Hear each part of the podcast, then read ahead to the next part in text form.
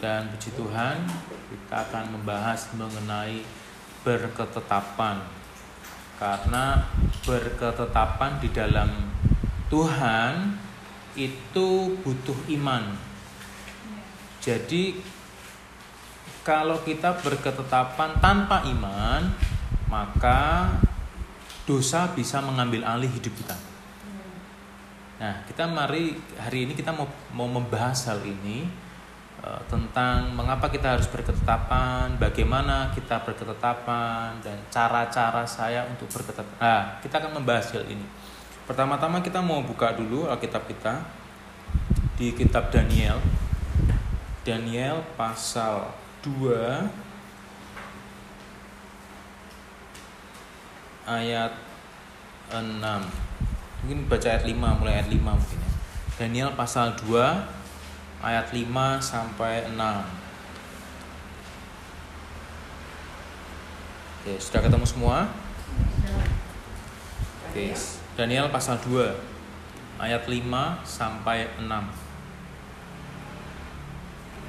Tetapi raja menjawab para kastim itu, aku telah mengambil keputusan yakni jika kamu tidak memberitahukan kepadaku mimpi itu dengan maknanya, maka kamu akan dipenggal-penggal dan rumah-rumahmu akan dirobohkan menjadi timbunan puing. Tetapi jika kamu dapat memberitahukan mimpi itu dengan maksudnya, eh maaf, dengan maknanya, maka kamu akan menerima hadiah, pemberian-pemberian dan kehormatan yang besar daripadaku. Oleh sebab itu beritahukanlah kepadaku mimpi itu dengan maknanya. Jadi singkat ceritanya ini Raja Nebukadnezar ini unik dia itu punya mimpi, dia ketakutan sama mimpi yang dia terima, tapi dia tidak mau kasih orang ini mimpi saya. Tapi kamu harus tahu mimpiku apa, maknanya apa. Kalau kamu salah, kamu tak hukum, rumahmu tak robohin. Nah itu singkat ceritanya. Nah karena tidak ada seorang pun yang tahu, raja ber, berkeinginan bahwa udah dah ditumpas saja semua orang-orang bijaksana, orang pinter itu tumpas habis semua. Nah Daniel adalah seorang buangan dan dia salah satu orang bijaksana waktu itu. Orang bisa dibilang orang pinter lah ya, orang bijaksana waktu itu. Jadi Daniel mendengar ancaman itu dia pun ketakutan. Makanya dia pun berkata bahwa oke okay, aku tak berdoa. Dia ketemu sama sahabat-sahabatnya, Sadra Mesa, Abednego. Dia berkumpul, dia ngomong yuk kita naik ke doa, eh, naikin ke Tuhan uh, tentang tentang ini supaya kita nggak mati. Nah kalau kita lihat dari hal ini Bapak Ibu, tantangan pertama datang itu kepada Daniel dan kawan-kawannya dalam bentuk titah raja. Nah, ini adalah hal sulit. Misal saya punya mimpi, terus saya bilang, siapa yang tahu mimpiku dan makna maknanya tak kasih hadiah. Itu kan aneh, Bapak. Hmm. Ya toh? Harusnya kan saya cerita dulu mimpi saya, ini ini, ini. terus oh maknanya ini. Tapi raja ini nggak cerita gitu. lucu ya lucu. Tapi ini ada. Nah kalau kita tidak hidup karib dengan Tuhan tidak berketetapan diri memiliki hubungan baik dengan Tuhan Tuhan tidak mungkin bicara kepada kita. Tuhan punya hubungan bukan Tuhan ya Daniel punya hubungan baik dengan Tuhan. Dia membangun diri. Karena kalau kita lihat di sini bahwa eh, Daniel 1 ayat 2 di situ dijelaskan Tuhan menyerahkan Yoyakim raja Yehuda dan sebagian dari perkakas-perkakas rumah Allah ke dalam tangannya dan seterusnya. Jadi ini area Yehuda ini dijajah oleh Nebukadnezar. Daniel orang Yehuda. Yehuda itu adalah dulunya bagian dari Israel. Jadi ini salah satu orang yang tahu siapa Tuhan yang hidup. Dia tahu siapa Tuhan yang berkuasa. Dia tahu itu. Nah, kalau kita baca di Daniel pasal 6, yuk kita jalan-jalan sebentar. Daniel pasal 6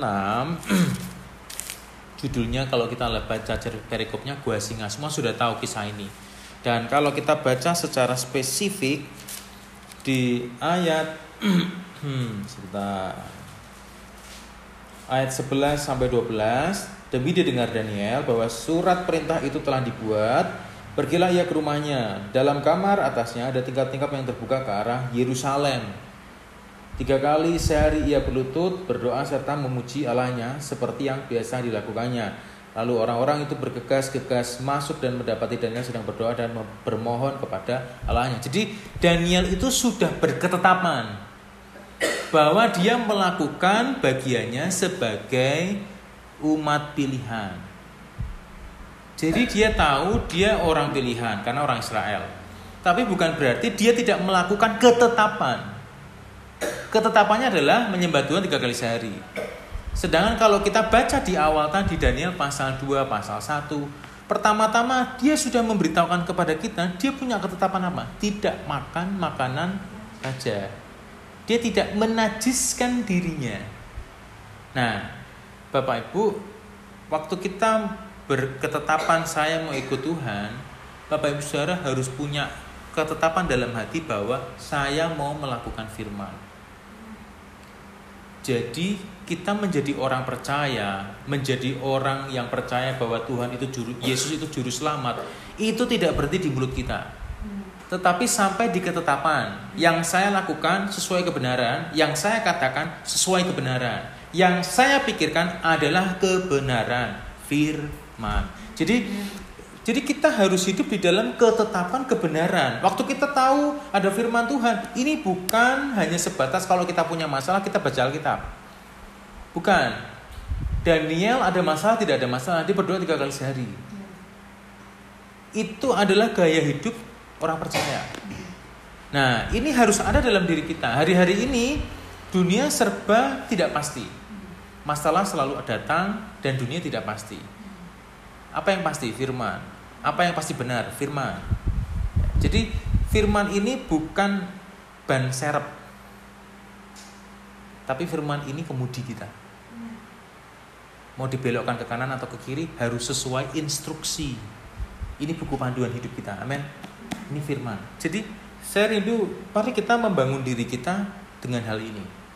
Waktu kita menetapkan bahwa firman Tuhan tidak boleh. Misal kita tahu saya sering bagikan ini karena saya rindu membangun kehidupan rohani kita tuh benar, tepat, akurat ya. Misal kita tahu e, contohnya e, membenci saudara kita ya, itu salah. Tapi ketika kamu kamu tahu bahwa membenci saudaramu itu salah, iya salah. Kenapa kau benci? Habis gimana? Gak ada alasan untuk membaiki. Jadi alasannya untuk membenci. Tapi kan kamu tahu ada firmanya, kasihlah saudaramu. Iya sih, tapi ah Paulus di dalam perjanjian baru itu yang disebut membuat benteng-benteng. Saya tidak spesifikkan ayatnya karena saya tidak siapin ayatnya ini. Tapi dia katakan inilah benteng-benteng manusia. Yaitu pemahamannya sendiri yang menurutnya baik. Jadi kita tidak hidup di dalam baik. Prinsip baik itu prinsip orang dunia. Prinsip kita benar. Amin. Nah, mari kita buka ayat selanjutnya. Kita buka ayatnya di Roma pasal 14. Roma pasal 14 ayat uh, oke okay, sebentar. Roma pasal 14 ayat 21 sampai 23. Oke, sudah ketemu semua? Roma 14 ayat 21 sampai 23 saya bacakan Baiklah engkau jangan makan daging atau minum anggur atau sesuatu yang menjadi batu sandungan untuk saudaramu. Berpeganglah pada keyakinan yang engkau miliki itu bagi dirimu sendiri di hadapan Allah. Berbahagialah dia yang tidak menghukum dirinya sendiri dalam apa yang dianggapnya apa? Baik. Untuk dilakukan.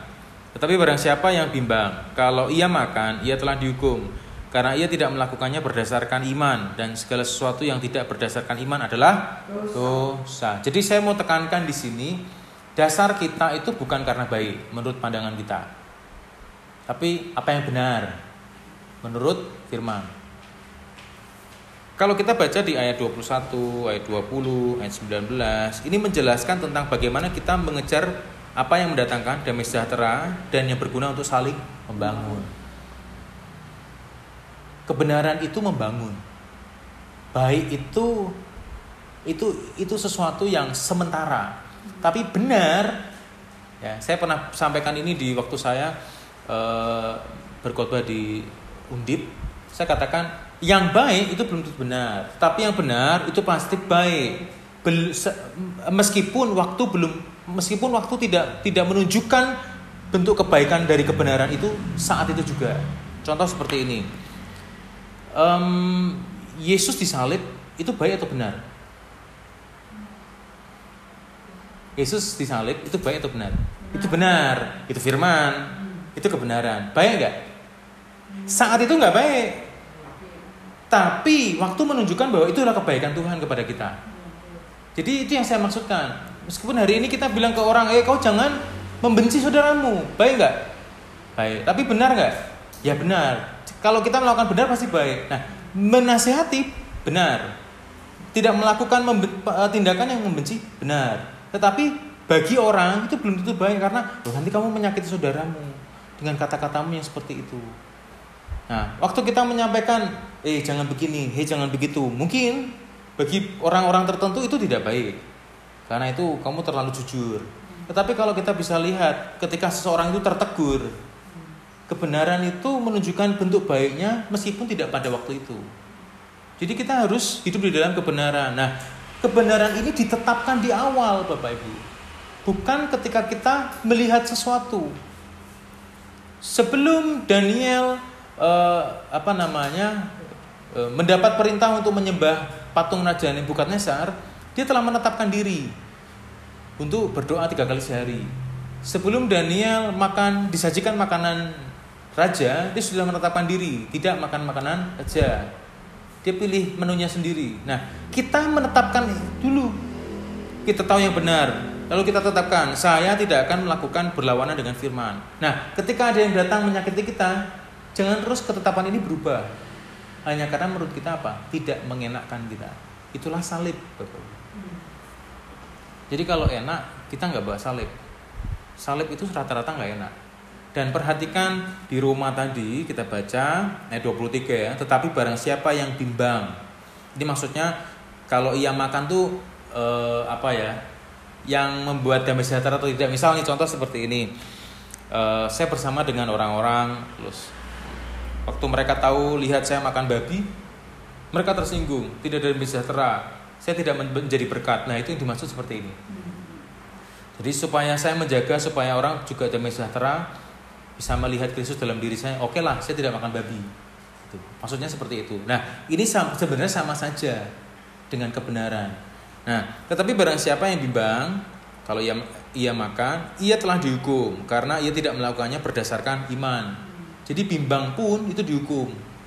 Karena tidak ada iman. Iman itu lebih dari ketetapan. Iman kita, iman itu percaya dan melakukan. Berketetapan, saya berketetapan. Nah, itu percaya. Saya berketetapan, saya percaya bahwa firman ini benar. Mengasihi itu kebenaran. Saya tidak boleh menoleransi untuk saya tidak boleh mengasihi. Itu berketetapan. Lalu ketika menghadapi tantangan, nah saya melakukan itu. Saya, saya, saya melakukan itu maksudnya saya melakukan kasih tadi meskipun saya dihina, meskipun saya difitnah, meskipun saya diejek, nah saya tetap mengasihi. Jadi itulah iman. Iman itu tidak hanya percaya tapi melangkah. Tidak hanya percaya tapi terlihat. Itu iman. Nah, kalau kita lanjutkan dan segala sesuatu yang tidak berdasarkan iman adalah apa? Dosa. Kita hidup percaya Kristus tapi tidak melakukan kebenaran, itu namanya dosa. Karena iman itu adalah percaya dan bertindak. Jadi kalau punya percaya saja itu namanya tidak beriman. Saya pernah sampaikan bahwa setengah kebenaran itu bukan kebenaran. Kebenaran itu bulat.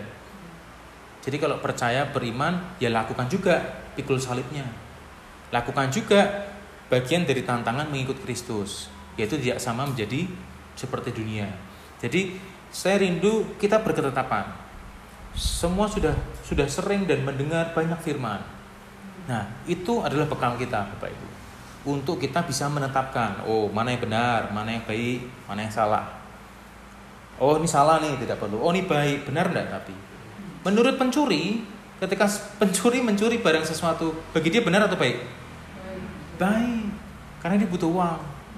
Tapi apakah itu apakah itu benar?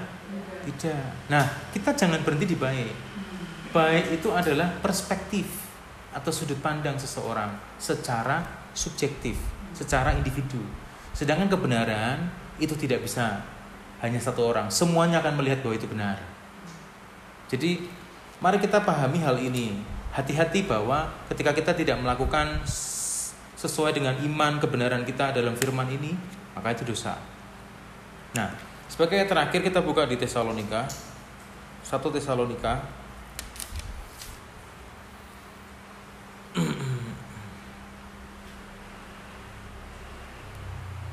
Satu Tesalonika ayat 2, pasal 2 ayat 4. Satu Tesalonika pasal 2 ayat yang keempat. Sudah ketemu semua?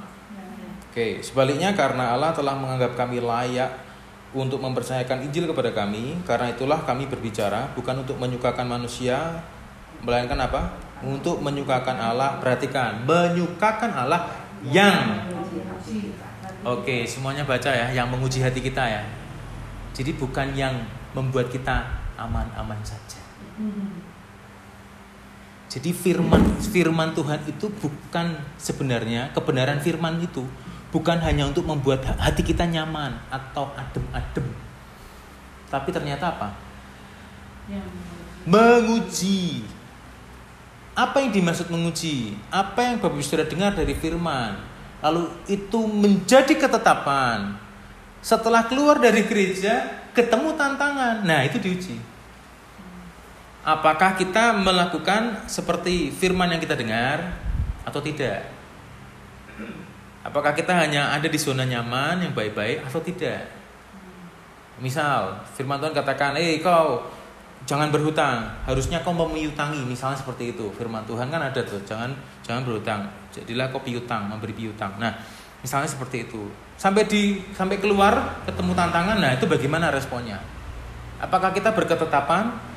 Oh kalau Tuhan tidak boleh berhutang lalu apa yang harus saya lakukan? Misalnya tanya Roh Kudus. Roh Kudus bisa ngomong jadi pengelola yang baik jangan beli yang tidak perlu uh, semuanya apa yang bisa kau lakukan lakukan berusaha kerja misalnya seperti itu. Nah, seperti itu.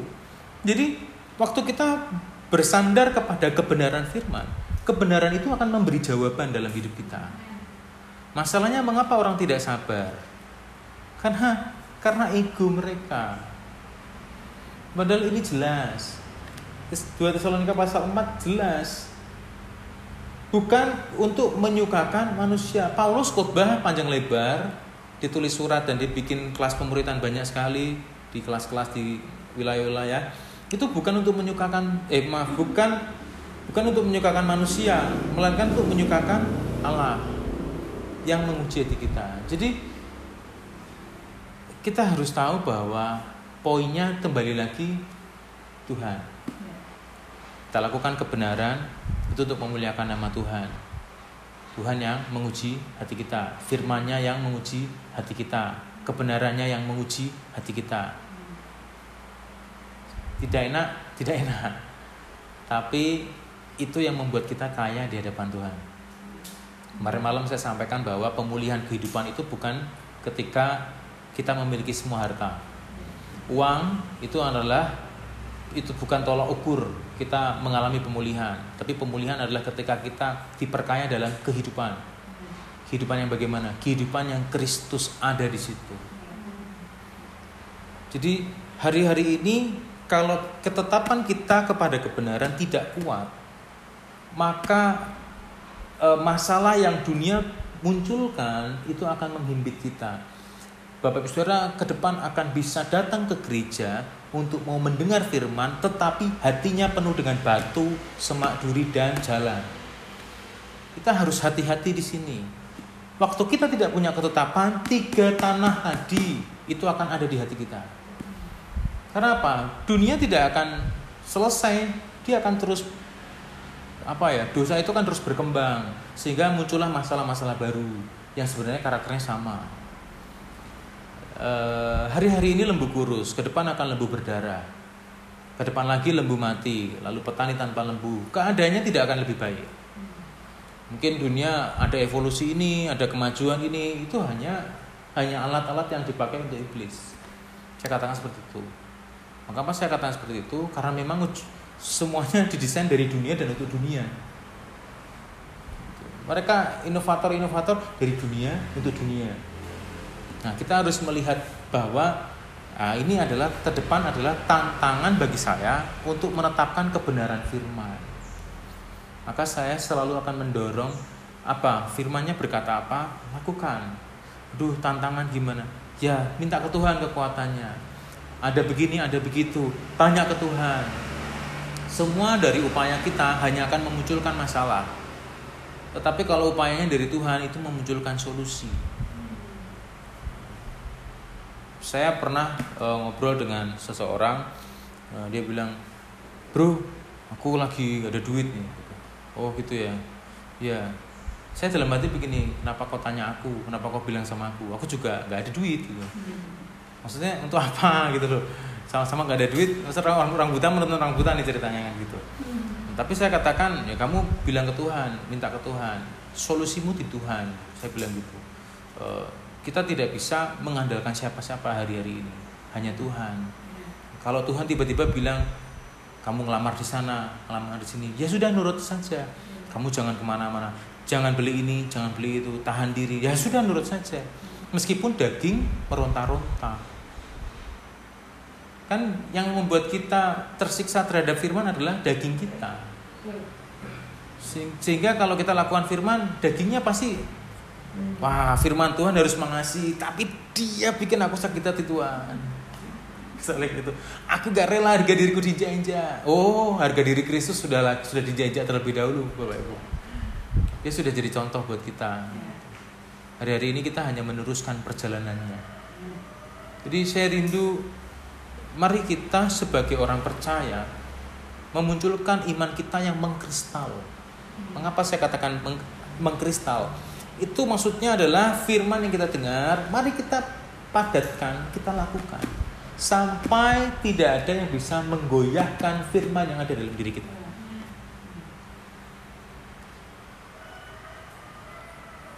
Coba kita buka di Matius 4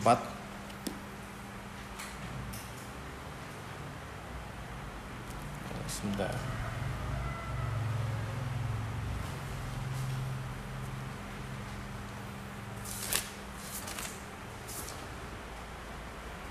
Sebentar, sebentar, Bapak Ibu.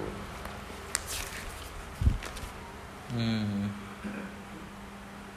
Oke, Lukas 4 saja yang lebih jelas. Lukas 4 ayat 13. Lukas 4 ayat 13. Oke, sudah ketemu semua. Ya. Judulnya adalah pencobaan padang gurun. Kita semua sudah tahu kisah ini toh? Nah, tapi ada yang menarik. Ayat 12 saja kita baca ya. Yesus menjawabnya katanya ada firman janganlah engkau mencobai Tuhan Allahmu. Lalu ayat 13 Sesudah iblis mengakhiri semua pencobaan itu, ia mundur daripadanya dan apa? menunggu waktu yang baik. Kapan waktu yang baik untuk iblis? Waktu lemah.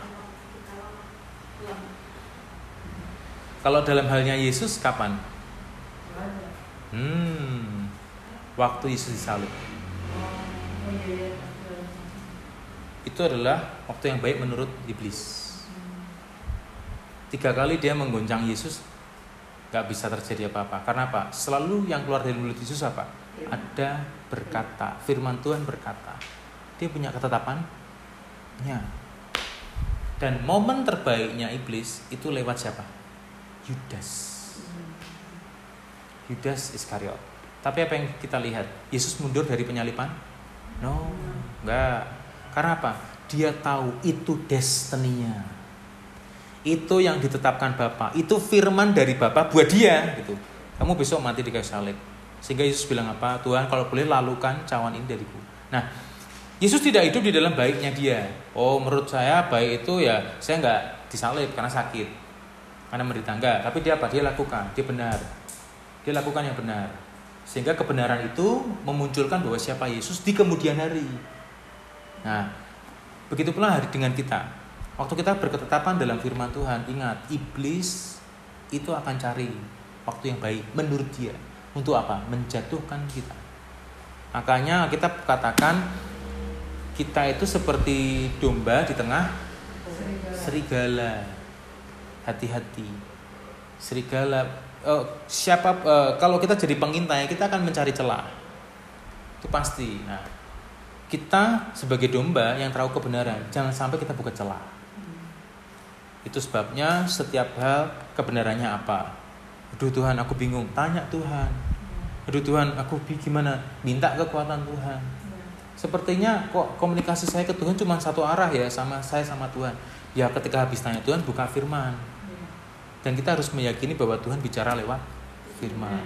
Karena firman itu yang menghasilkan cuman Bapa di surga. Iblis tidak bisa menghasilkan firman. Iblis itu penipu. Jadi saya rindu mengajak setiap kita ini menjadi orang percaya yang berkemenangan. Meskipun hari ini kita terseok-seok, tetapi kita terseok-seok di dalam kebenaran. Bukan kita gagah gembita dalam kebodohan atau dalam keonaran.